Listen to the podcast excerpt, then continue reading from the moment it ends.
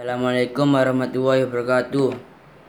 Puja dan puji syukur kehadiran Allah yang telah memberi kita hidayah dan nikmat salat dan bisa berkumpul di tempat barakah ini. Salawat salam kita aturkan kepada Nabi kita Nabi Muhammad Sallallahu Alaihi Wasallam.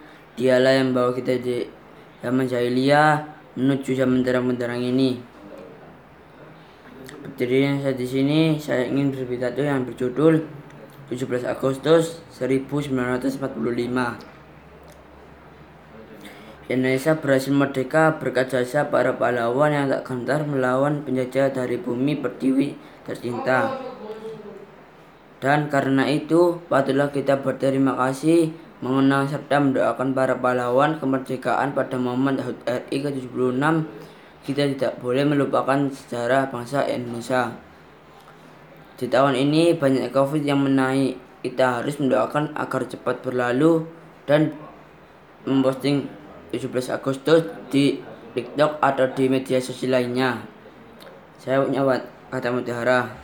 Kemerdekaan hanyalah dapat dimiliki oleh bangsa yang berjiwanya berkobar-kobar dengan tekad merdeka atau mati. Saya punya bantun duduk berdua di kursi kayu. Rasanya tak menentu hati bahagia.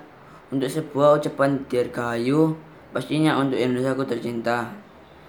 Bila ada kata-kata yang tidak memuaskan, mohon maaf. Kalau benar dari Allah, kalau salah dari saya sendiri. Wassalamualaikum warahmatullahi wabarakatuh.